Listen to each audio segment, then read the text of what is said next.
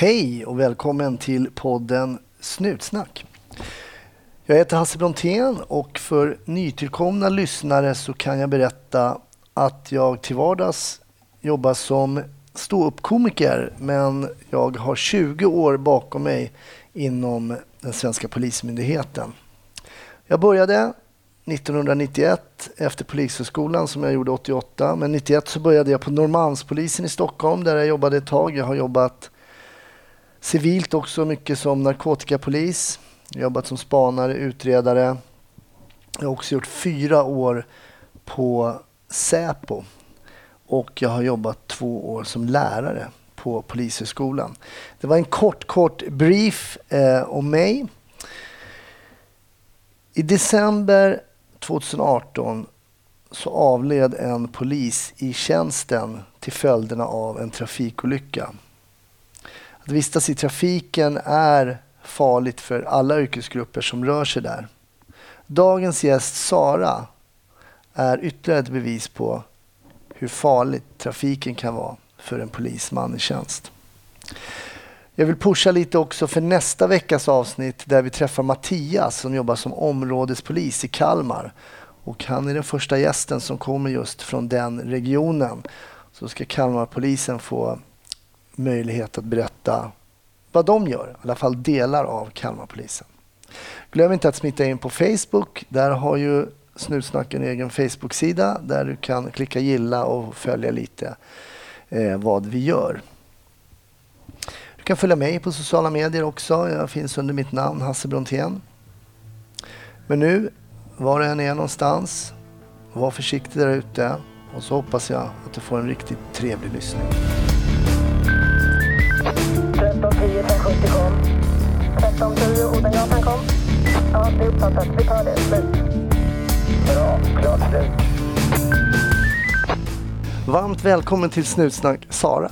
Tack så mycket. Tack så mycket. Vi sitter i din hemstad eh, Halmstad Jajamän, stämmer bra. på Per Gessles hotell. Jajamän, hotell Tylösand. finaste. Ja, men vi kanske inte sitter i det största rummet. Nej, det är nog tvärtom faktiskt. Det är, lite, det, det är lite, ett litet hotellrum, men eh, hemtrevligt. Väldigt fräscht. Mm, det får man säga. Ja, du jobbar som polis här i Halmstad. Ja, stämmer bra. Hur länge har du gjort det? Jag blev eh, färdig med min aspirant eh, 03, december 03. Så Mm. det är 15 år nu. 15 år. Ja, det går fort. Det känns det inte riktigt som, men ja, Är det så? Tid... tiden flyger förbi. Ja, jo, men det gör den ju faktiskt. 03, ja, då började du 01 då. Ja, det stämmer. Och var gick du skolan någonstans? Eh, Jag gick första kullen i Växjö när det startade.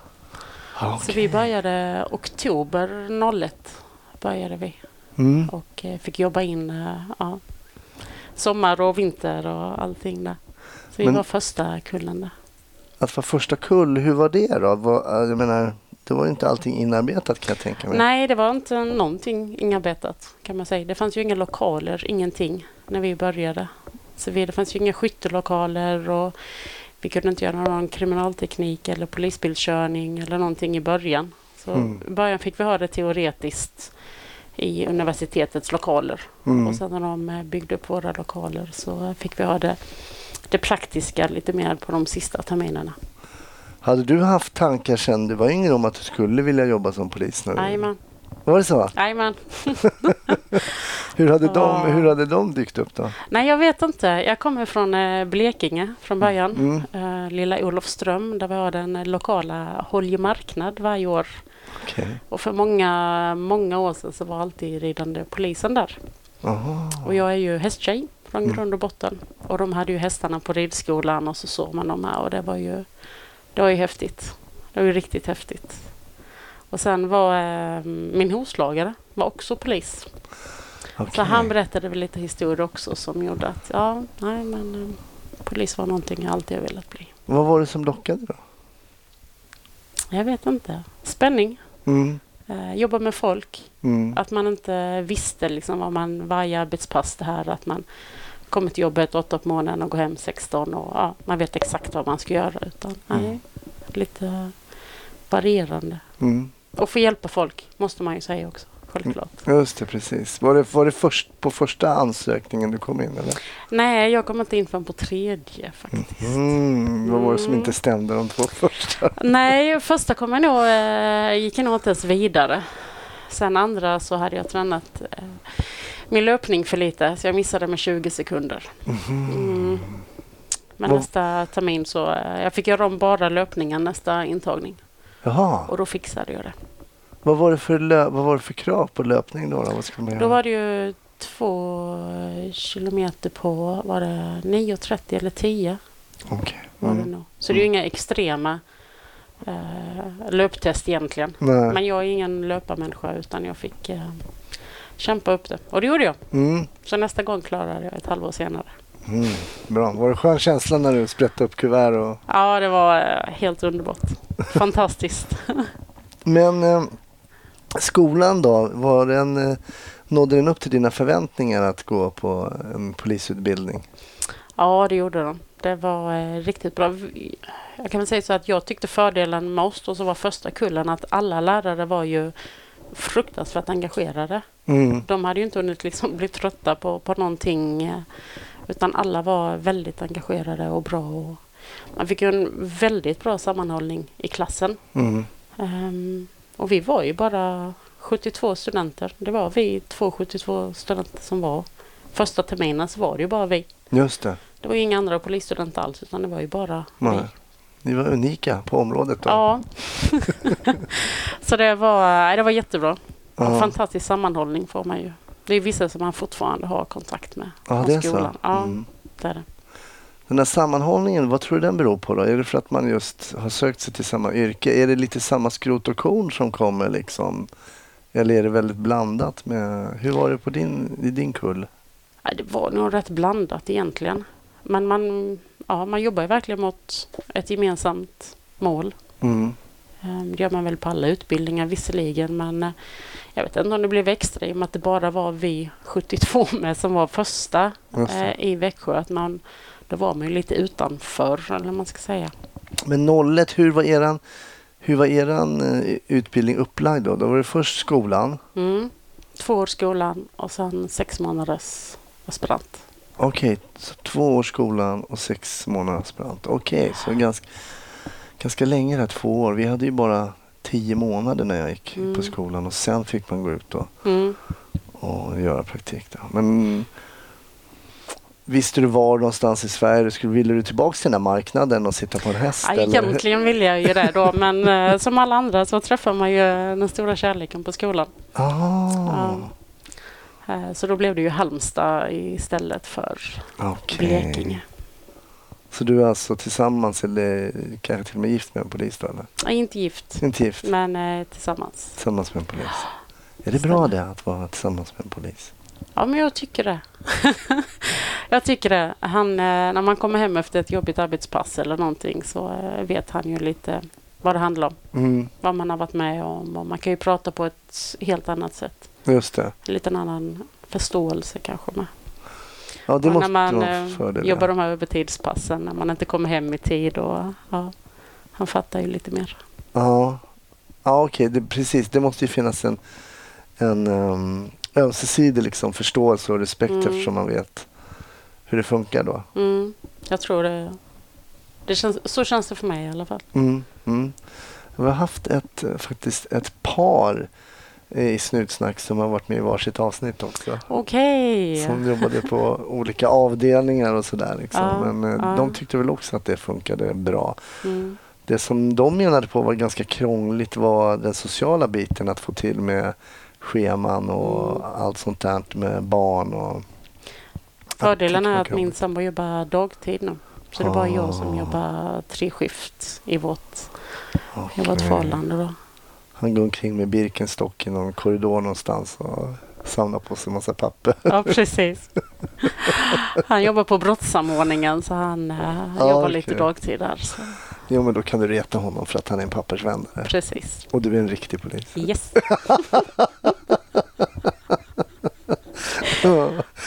Okej då, så då styrde, då styrde liksom um, kärleken dig lite vad du skulle ta vägen Mm. liksom efter um, efter utbildningen. Men under praktiken, var var du då någonstans? Då? Ja, Jag var i Halmstad då med. Ja, det var så.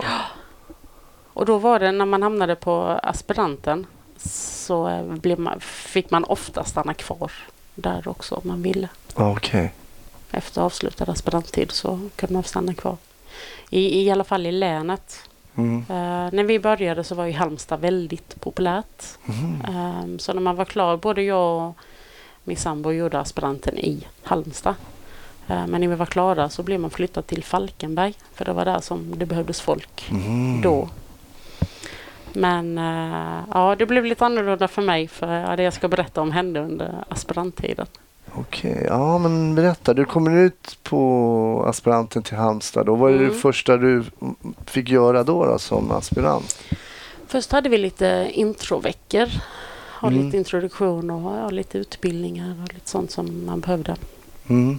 Sen var vi både på eh, trafiken och på krim och på eh, närpolisen som fanns på den Mm, tiden. Just det, det hette så ja. Och eh, sen var vi på IGV, ingripande verksamhet. Just det. Och det var där eh, min olycka inträffade som jag tänkte jag skulle berätta. Ja, berätta gärna. Vad är det för olycka? Mm. Jag hade åtta pass kvar på min aspirant. Mm. Jobbade ett eh, nattpass med min instruktör Lasse. Mm. Så fick vi precis i början på passet fick vi en eh, bilbrand som var nere i Snapparp som är i Laholms kommun. Mm. Så vi åker dit, jag och Lasse. Inga konstigheter, en bilbrand. Det jag berättar nu, det har jag fått berättat för mig. Jag kommer inte ihåg någonting av detta själv. Okej. Utan det är bara som jag har fått berättat för mig då. Ehm, på vägen ner så ehm, hade Lasse berättat lite om ja, men, bilbrand. Är det polisiärt? Är det inte polisiärt? Vad skriver man? Och, ja, den biten. Kommer ner så är det en eh, brandbil. Han är redan där och bärgaren är även där. På den tiden hade vi ju S70, radion S70. Mm. Så då lyssnade ju andra på polisradion med. Så bärgaren hade ju hört genom där så han var redan på platsen. Just det, de låg och skannade då liksom för jobb och sådär. Jajamän. Mm. Eh, fördel mot vad det är nu kanske. Mm. Jag vet inte. Eh, I alla fall så eh, den här bilbranden är på en eh, 70-sträcka. Mm, lite mindre 70-sträcka. Eh, brandbilen står mitt i vägen, blåljus, varningsblinkers, allting på. Bärgaren står en bit bort också med sina gulblinkers. Vi kommer att ställa oss också. Ehm, branden är släckt och jag och bilägaren, det var inte han som körde bilen, men Nej, jag och bilägaren eh, står och pratar bakom brandbilen. Ehm, Lasse, min instruktör, då går och ringer till ledningscentralen. Vet inte, skulle väl rapportera vad vi gjorde eller någonting. Mm. Eh, och när detta sker så kommer det en eh, bil körandes och kör förbi brandbilen. För då kommer han förbi brandbilen så måste han ha ena hjulparet nere i dikeskanten. Så Mm. smal är vägen. Jag förstår. Ja. Eh, och kör på mig och eh, bilägaren. Oj. Bilägaren eh, ja, avlider direkt av eh, den olyckan. Eller av smällen. Jag flyger ungefär 6 meter upp i luften och landar 23 meter bort. Oj. Bilen som har kört på oss fortsätter i diket en bit då innan den får stopp. Eh, De har uppskattat dens hastighet ja, ungefär 100 kilometer i timmen.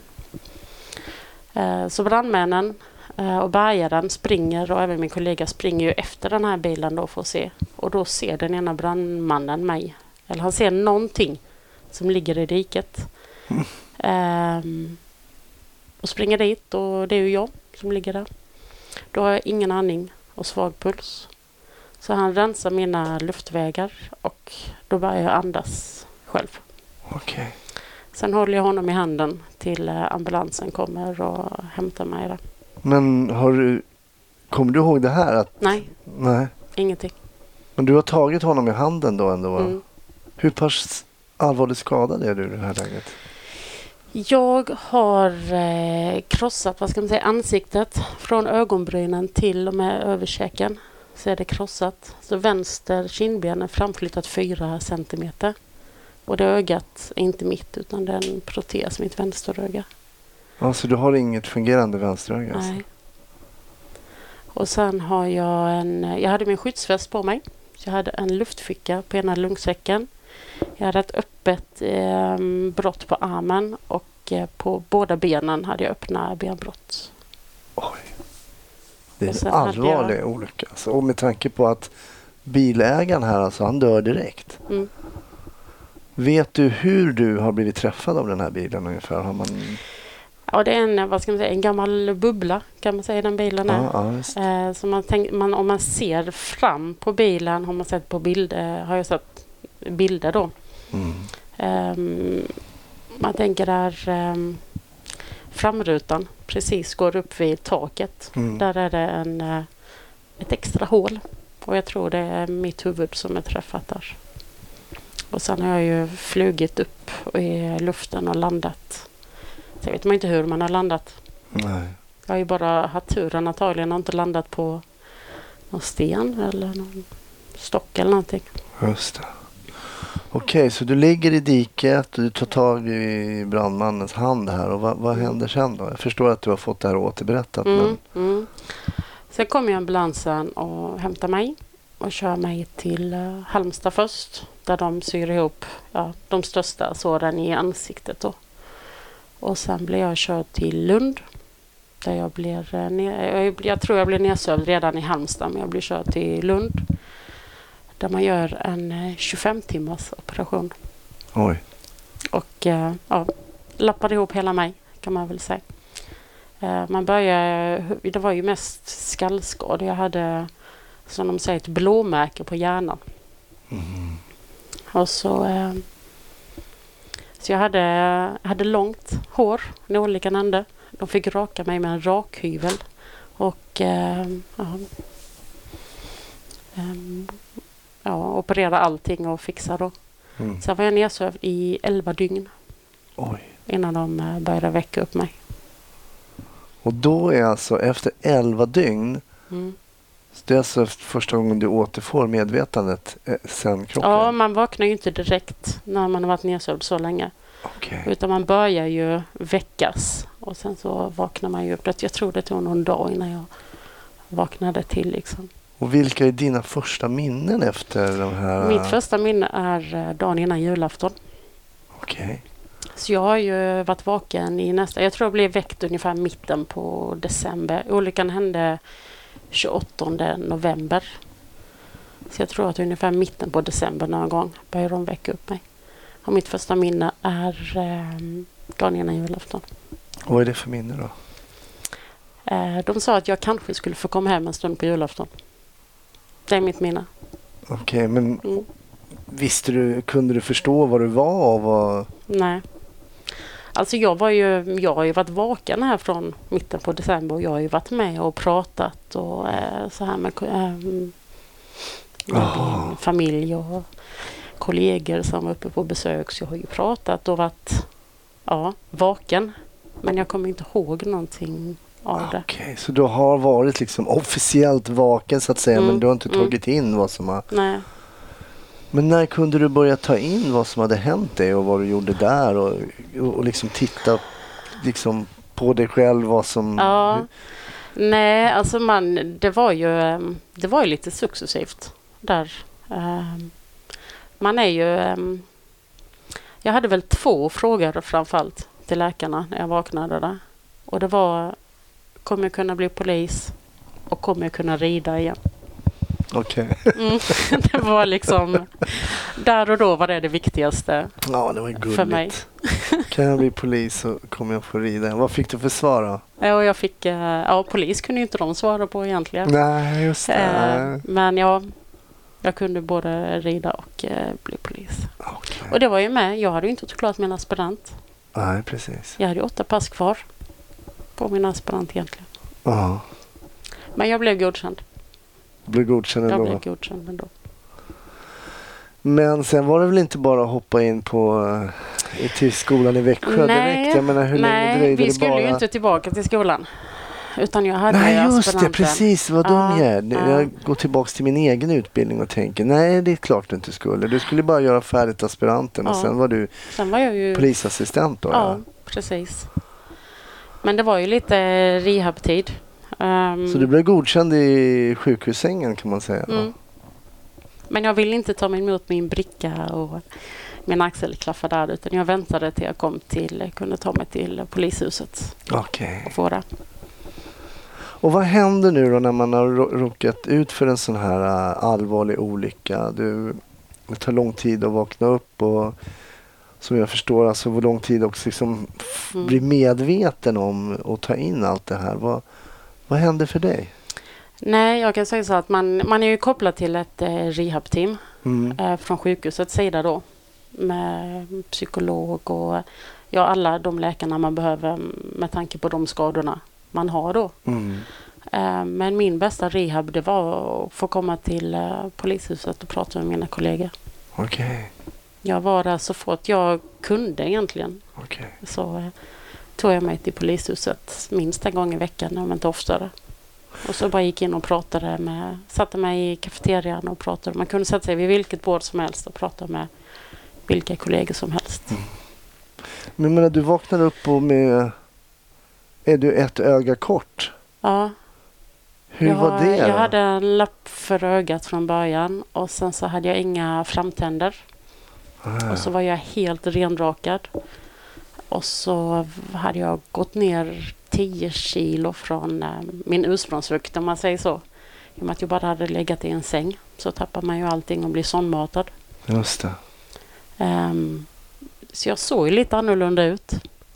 Jag Ja. tittade inte mig själv, mig själv i spegeln förrän i mars tror jag. I mars.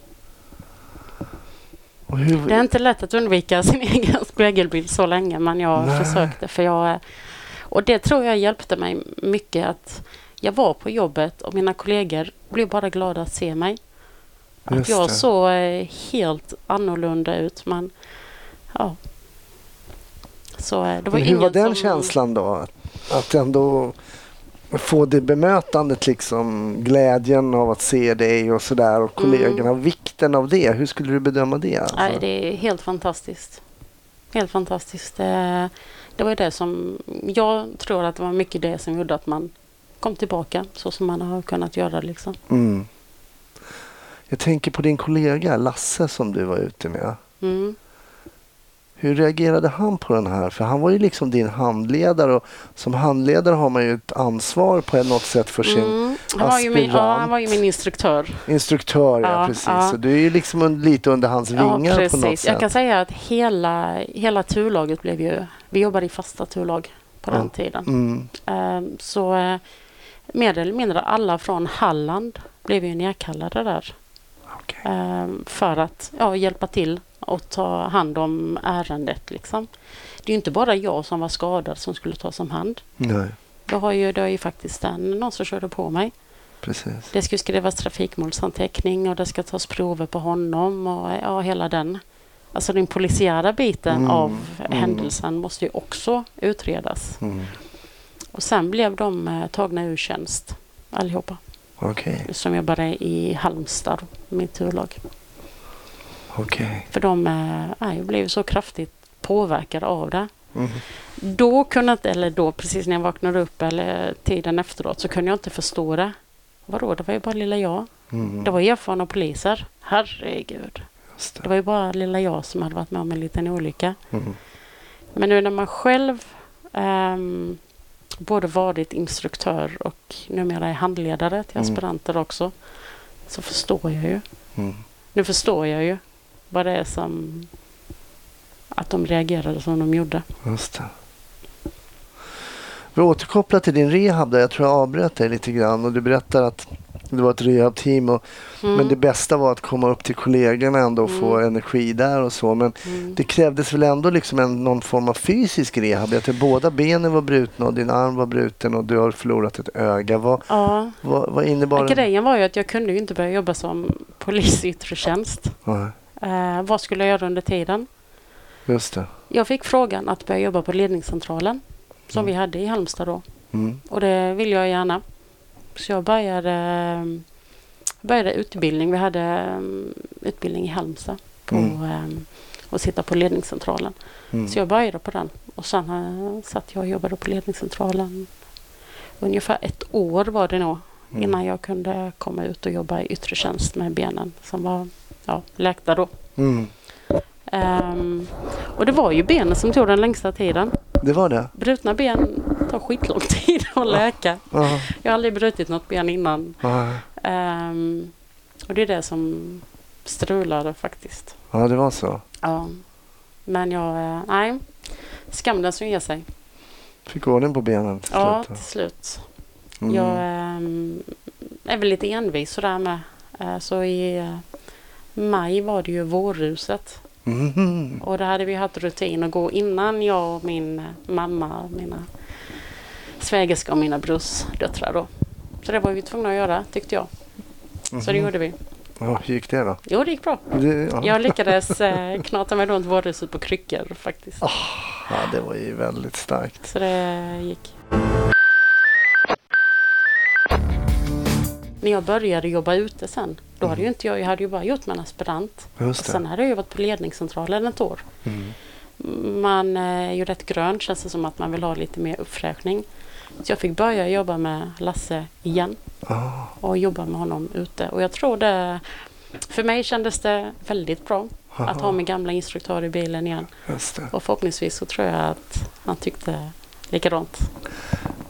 Eh, har ni pratat mycket om det här du och Lasse? Eh, har ni liksom den här händelsen eller är det någonting som nu är... Nu har det gått lång tid men, Ja, då, men när du kom ut tid. så att säga, pratade ni Mm. mycket om det? då? Ville- Var du nyfiken på... För du, den här första biten som du berättade, Mm. som du sa, den har jag fått återberättad. Mm. Var du nyfiken på så här, vad hände, var låg jag, hur, alltså, eller har Ja, men det var man. du... Mm, Eh, och det har blivit att man har pratat rätt mycket om det. Dels hade vi sån här debriefing mm, efteråt Mm. med turlaget och brandmännen och alla som var inblandade. Ehm, men sen har det ju blivit, i och med att vi jobbade i samma turlag och jobbade i samma bil, så har det ju blivit att man har pratat om det ehm, mer eller mindre. Och likadant när man har träffat räddningstjänst och ehm, ambulanser Mm. som var med på platsen så har ju de berättat om eh, hur det var när de hämtade mig där och så. Den här brandmannen då, har du träffat honom också? han Som du höll i handen? Ja, det har jag gjort. För min eh, en eh, klasskompis från Växjö som är en av mina bästa vänner. Hon eh, gifte sig med honom sen Aha. och skaffade två barn. Vilka... Ja, vad gör man inte för sina vänner liksom? Det är väldigt bra. ja. Men jag kan tänka mig att du åker förbi den här platsen ibland också. mm. Vad tänker du då? Nej, man får sina... Ja, I och med att jag inte kommer ihåg vad som hände Nej, så vet man ju bara att ja, men det var här det hände. Man får liksom inga flashbacks att nej, eh, det blir en jobbig känsla. nej. Många år efteråt när jag fick larm om eh, bilbränder, då höjdes pulsen. Ja, det var så. Då var det jobbigt. Men alltså höjdes pulsen mer på ett larm på en bilbrand än ett larm om en trafikolycka? Ja. Lustigt alltså egentligen. Ja. Mm. Det är det som triggar lite då just för Mm. det var det som du var på. Det var ja. just ett, eh, en bilbrand. Mm. På något sätt är det så. Sen känner man det när man står nu på trafikolyckor, speciellt Mm. på E6. Mm. Folk kör rätt bra förbi en. Mm. Man eh, tänker ju på det mer men den här pulshöjningen den kom vid bilbränder och inte trafikolyckor. För man tänker att folk eh, jobbar som poliser och folk har anhöriga som jobbar som poliser som inte får. Då tänker man på att en polis ska bli skjuten kanske Mm. eller att någon Mm. ska eh, bli knivhuggen eller sånt här. Men det allvarligaste egentligen är väl trafiken Ja, för det är det poliser. Det är det. D- man skadas i trafikolyckor och Ja. på annat sätt. Ja. Folk, eh, folk kör ju illa. Vad hände med den här föraren då som körde på dig och eh, den här bilägaren? Vad, vad hände? Och, Ja. Vad var det för typ av förare? Han, Så var eh, påverkad? Ja, eller? han var påverkad både av alkohol och narkotika och Mm. hade inget körkort. Ja. Så i slutändan fick han två och ett halvt år. Två och ett halvt år. Mm. För en död människa, eh, köra påverkad, inget körkort och en eh, halvt ihjäl Mm. Och så hade han lite stölder också. som också var inbakade i det. Inbakade i det. Mm. Man kan ju ha lite åsikter om eh, strafflängden där kan jag tycka. Mm. Eh, om vi kanske ibland, eh, man diskuterar ju om vi har då kanske ibland lite för låga straff eh, vad gäller olika brott. Mm. Eh, och, Sen kan man ju fråga lite med, ja, blir det bättre? Hjälper det honom att sitta längre? ja, men han kör i alla fall inte på någon annan medan han sitter i fängelset. Eh, och Och han, Det kanske blir lite, mm, alltså att, vad ska man säga, förebyggande. mm, Vet man att det är längre straff så kanske man tänker efter före innan man Mm. sätter sig i bilen.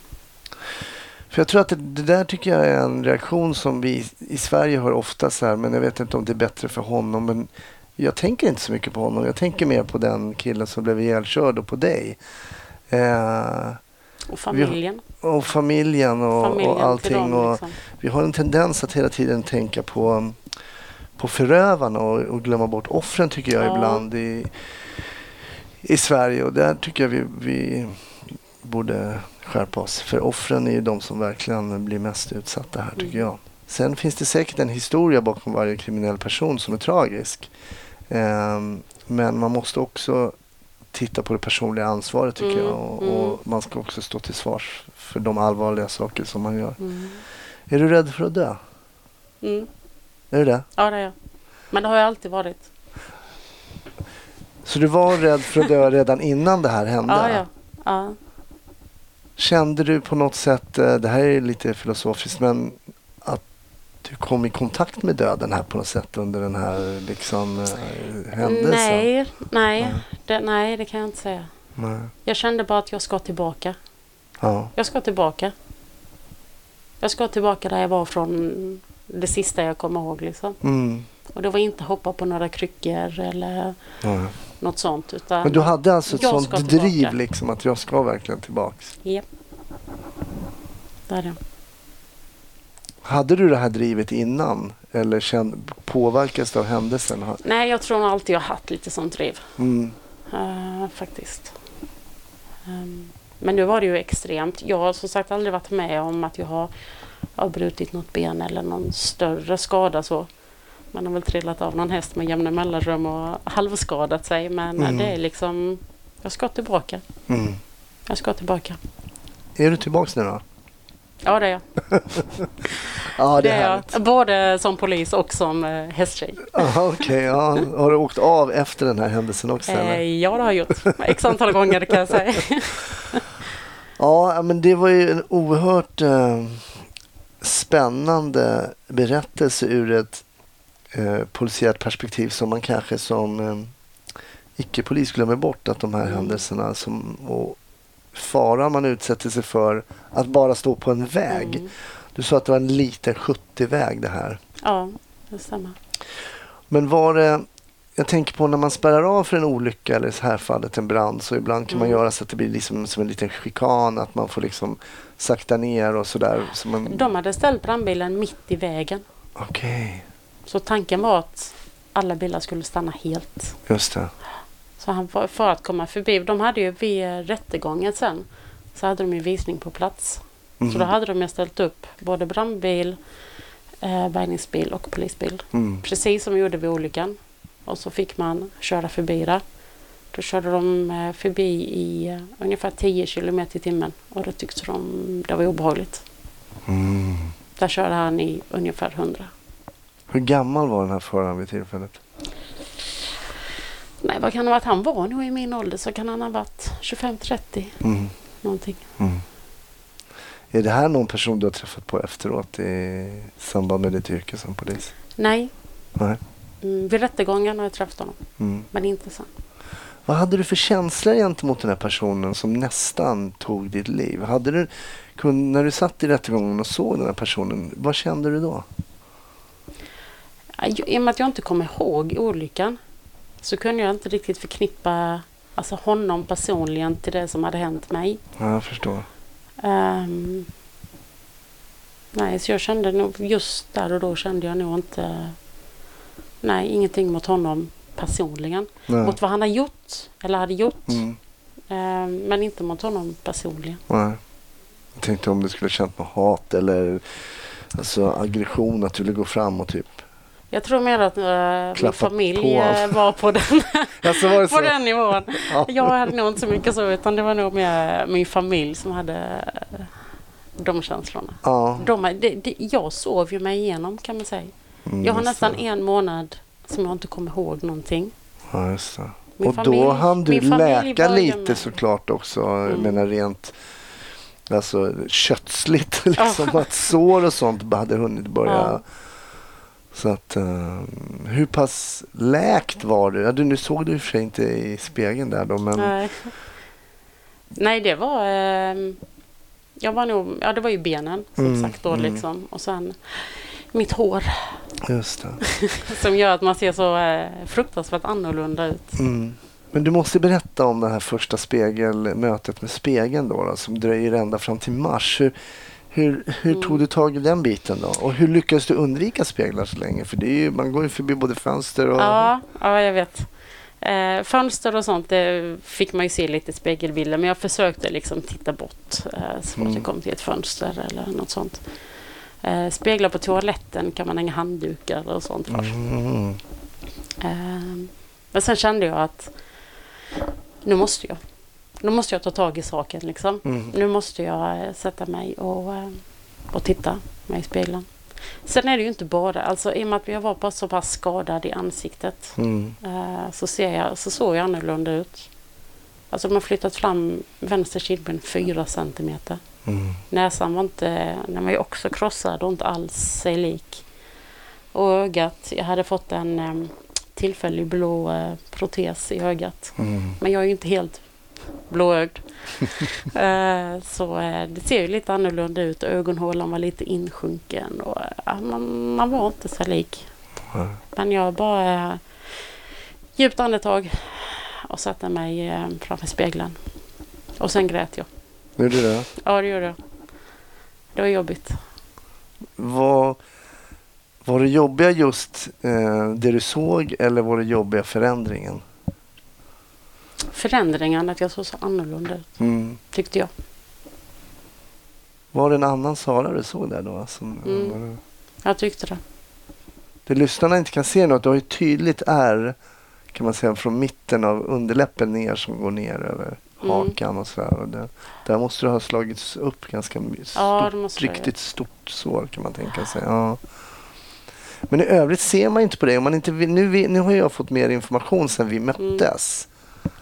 Eh, det man ser egentligen är ju det här ärret. Där förstår man att det Mm. har hänt någonting. Det kan ju Mm. också ha varit en ridolycka eller vad som helst. Ja, men, men i övrigt så kanske när du nämner det här med käkbenet då att man Jaha, okej, men annars så Mm. är det ju väldigt fint gjort om man får Mm, uttrycka sig ja, så. det Att det, Läkarna är ju fantastiska. mm, De har ju, för att man inte ska få så mycket ärr i ansiktet, mm, så har de gjort ett ärr från öra till öra över skalpen. Mhm. Och sen att de, ja, De tar liksom så fra- loss. så Okej. de eh, kom ju ut till min eh, mamma nere i Lund och frågade om man hade någon eh, bild på mig. För de skulle försöka återskapa mitt ansikte. Ah, Tänk vilken känsla för en förälder att få den, Mm. den frågan. ja, det vill man knappt få. Nej. Hur tog din mamma det här och dina föräldrar? Nej, mamma tyckte, eller ja, både mamma och syskon och ja, alla tyckte det var jättejobbigt. Men de har ju ställt upp fantastiskt bra Mm. allihopa. Mm. De var ju nere i Lund hela tiden. Mm. Sen har de ju, alltså det vanliga livet fortsätter. Det vanliga livet fortsätter ju. Man kan ju inte vara där nere alltid heller. Nej. Räkningen ska betalas och Mm. hundar ska skötas och rastas. Och det är ju så mycket så det fick vara lite pusslande. Ja, just det. Men nej, de var hos mig både nere i Lund nästan alltid och även när jag var i Halmstad på ehm, IVA i Halmstad var Mm. med där. Och då visste ju inte, jag hade ju en, någon form av skada på, på hjärnan som de kallade blåmärke på hjärnan. Och när jag vaknade och började prata med dem så pratade jag rätt mycket bebisspråk Jaha. och var liksom inte, ja Sara när jag vaknade. Så de visste ju inte, har hon skador på hjärnan? Just det, precis. Hur kommer hon att bli? Hur kommer det funka? Eh, och det tog rätt ja, dagar eller veckor när de inte visste någonting. Um, I och med att de satt där mycket så läste de ju ja, korsord och Dagens gåtor och Mm. lite sånt där. Och sen var det en fråga, jag kommer inte ihåg frågan, men det var en fråga som de ställde varandra där som ingen kunde svaret på. Då. De satt och grubblade. Och då säger jag, är ni helt dumma i huvudet eller? Och så säger jag svaret på frågan. Och då kände de att, ja, nej, ja mm, Hon är på gång. hon är på gång. Ja, Det blev nog bra till slut ändå. Men jag tänker baserat på den här olyckan. Alltså du råkar ut för en väldigt allvarlig olycka innan du är färdig som polis. Du är Mm. inte färdigutbildad polis. Och du inser liksom att det finns risker med det här. Men du vill ändå tillbaks och jobba med det, med det yrket där du har blivit så Mm. skadad. Var- Fick du aldrig sådana tankar att men vänta nu, det här kan ju faktiskt hända igen. Eller det finns ju andra Det risker är med det jag här. som ska bestämma när jag ska gå in, Ja, inte någon annan. ja, okej. Det är väl därför jag är kvar på EGV fortfarande efter 15 år. Ja, precis. Ja. De får inte in mig därifrån. De- du, du trivs helt enkelt med polisyrket. Ja, det gör jag. Jag stormtrivs.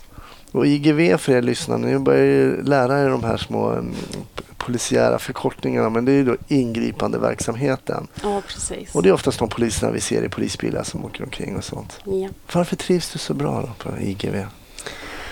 ja, vad ska man säga?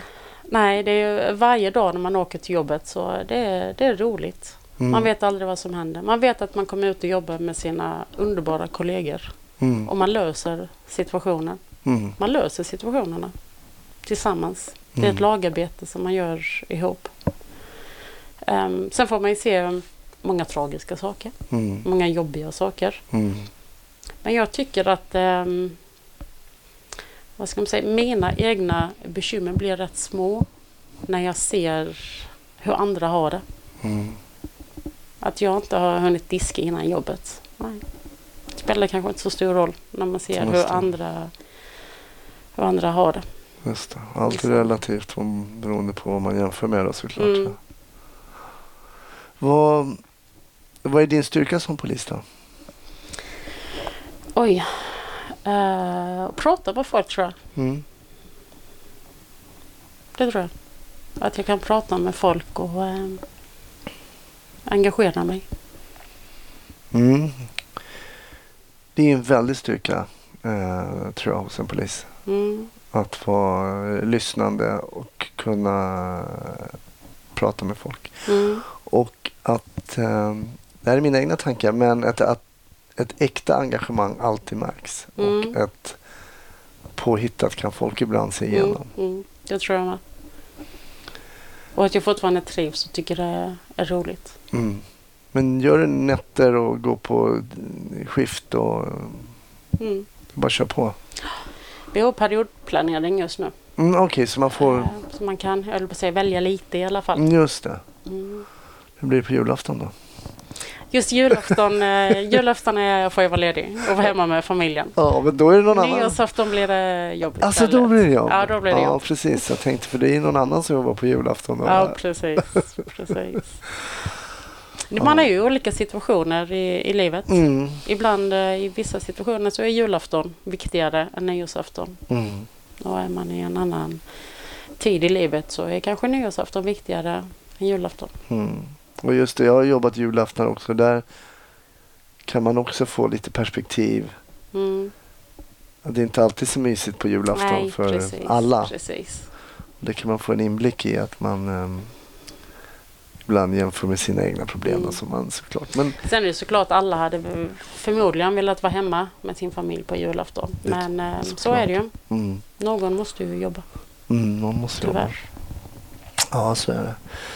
Vi brukar ju alltid prata om eh, underhållning. Det blir alltid ett sånt tvärt kast liksom från det polisiära och det som händer människor och i det här fallet din olycka. Så. Men livet är ju verkligen eh, upp och ner och det är ju, polisyrket är ju det också. Mm. Ibland åker man ju faktiskt på roliga jobb som polis också. Ja, ja, verkligen. Eh, men också väldigt mörka och, Mm. och tråkiga. Livets baksidor får man ju se. Ja. Har, du- har, du, har du tyckt att du har hanterat det på ett för dig bra sätt? Att se all den mörker som man får se som polis? Ja, men jag tycker det. Jag tycker det. Vissa saker kommer man ju aldrig glömma. Nej. Vissa saker man har varit på. Ehm, men jag tycker inte att jag bär det med mig på något negativt sätt. Nej. I, nå- i någon påse eller någon ryggsäck eller vad man ska säga. Ja.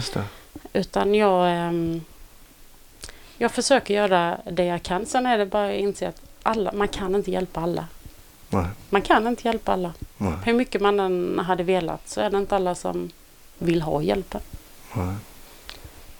Utan Nej, det är knappt känner- man kan förstå den sägningen. Liksom att det är faktiskt inte, finns faktiskt människor som inte ens vill ha hjälp. Mm. Och det låter ju konstigt men det har man ju varit med om alltså. Mm.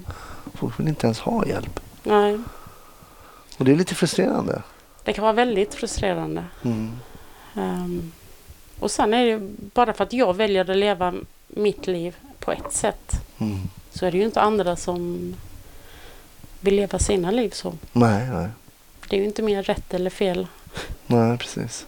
Utan eh, jag känner att jag, eh, när jag jobbar så ger jag 110 procent i mitt jobb och försöker göra mitt jobb så gott jag kan. Och sen åker jag hem och så tar jag hand om min familj. Till 110 procent. Så du kan släppa det där, du har ingen stor eh, börda på axlarna? Nej, jag tycker Nej. inte det. Även om man ibland är lite nedstämd för saker man har sett eller varit med om. Mm. Så eh, man tänker på det och sen får man försöka släppa det. Mm. Ja, då hoppar jag tillbaka till underhållningen här. Vi har varit Mm. ett sidostickare där, men det gör ingenting. Um, jo, vi brukar alltid runda av med lite sådana här tips på vad man ska hitta på på fritiden när man måste slå ihjäl lite tid. Och se på.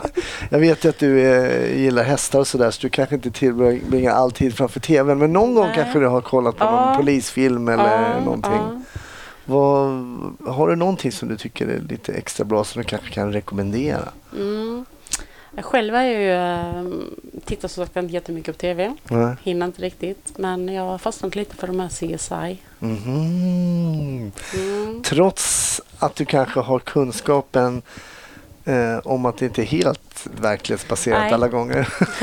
Men det kanske är det som är så bra att det verkligen inte är minsta verklighetsbaserat höll jag på sig. är det så? Ja, men lite så känner man att ja, ja jag tycker det. Att det blir en flykt liksom Mm. lite grann då. Är det lättare att se eh, utländsk polisiär serie eller film än svensk? Ja, men det tror jag. Det tror jag. Mm. Det känns... Eh, på något sätt känns det som att detta är film. Mm. Detta är påhittat. Detta är film. Det är inte någonting man har försökt efterrapa eh, den Nej. svenska polisen eller något sånt. Utan detta är, detta är underhållning. Just det. Mm, ja, men det, det känns ju helt förståeligt och jag kan ju känna igen mig. Men det finns ju många sådana där CSI. Jag är inte så himla... Det finns så här NCIS, CSI Miami, CSI Ja, ja, ja. New York. Men du köper du Ja, alla? ja, allihopa. allihopa. Okej. Okej, så men bor det liksom en, eh, bor ett, ett frö av kriminaltekniker i dig eller är det bara just, Nej, tyvärr inte någonting. inte någonting alls? Inte någonting. Det är nog... Eh, nej. Du vill inte så gå och frysa läget och gå och leta efter små, små Nej, eh, nej, saker nej. som kan leda till Nej. Det tar för lång tid. att du har inte tålamod för Nej, det? uff. Ingen tålamod alls för sånt. Det, Det ska är- vara lite action. Det ska hända saker här och nu liksom. Ah, okej. Ja. Ja. Ja. men det är tur att det finns olika typer av människor som anställs på polisen. Så även om man känns som samma Mm. eh, ibland när man precis kommit in på skolan så är det nog som du nämnde i början att man är nog ganska olika till Mm. trots. En del vill bli kriminaltekniker efter ett Mm. tag och peta på en vägg i flera timmar för att hitta något minsta Oh liten God. DNA, DNA-spår eller någonting. Och en del vill vara ute som du och vill att det Mm. ska hända och Mm. hänga med kollegorna. Det är intressant det där du pratar om kollegorna och att ehm, liksom glädjen att jobba i grupp. Eh, det måste man väl också tycka om om man ska vara ute mycket på ordning och sådär. För man gör väl det mesta i två eller flera. Ja, men det gör man. Det gör man. Man jobbar ju ja, nästan alltid. I alla fall två i en polisbil. Mm. Ehm, och man är, ju, man är ju inte ensam. Man klarar ju inte det själv. Nej. Man är ju, det är ju ett lagarbete. Mm. Uh, man gör ju det tillsammans. Sen om det är jag som griper eller om det är hundföraren som griper eller Mm. någon annan. Det spelar ju faktiskt ingen större roll. Nej. Huvudsaken är att vi vinner. Bra avslutning. Huvudsaken att vi vinner. Sara, stort tack att du ville gästa eh, Snutsnack och att du delade med dig av den här händelsen när du var på aspiranten när du råkade ut för den här olyckan. Eh, tack så jättemycket. Tack själv.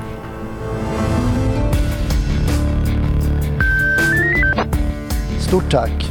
Du har lyssnat på ännu ett avsnitt av podden Snutsnack med mig, Hasse Brontén. Nästa vecka heter poddens gäst Mattias och han jobbar som områdespolis i Kalmar. Gilla gärna Snutsnack på Facebook. Följ mig på sociala medier om du har lust med det. Annars får du ha en väldigt trevlig vecka och så hoppas jag att vi hörs i nästa. Tack!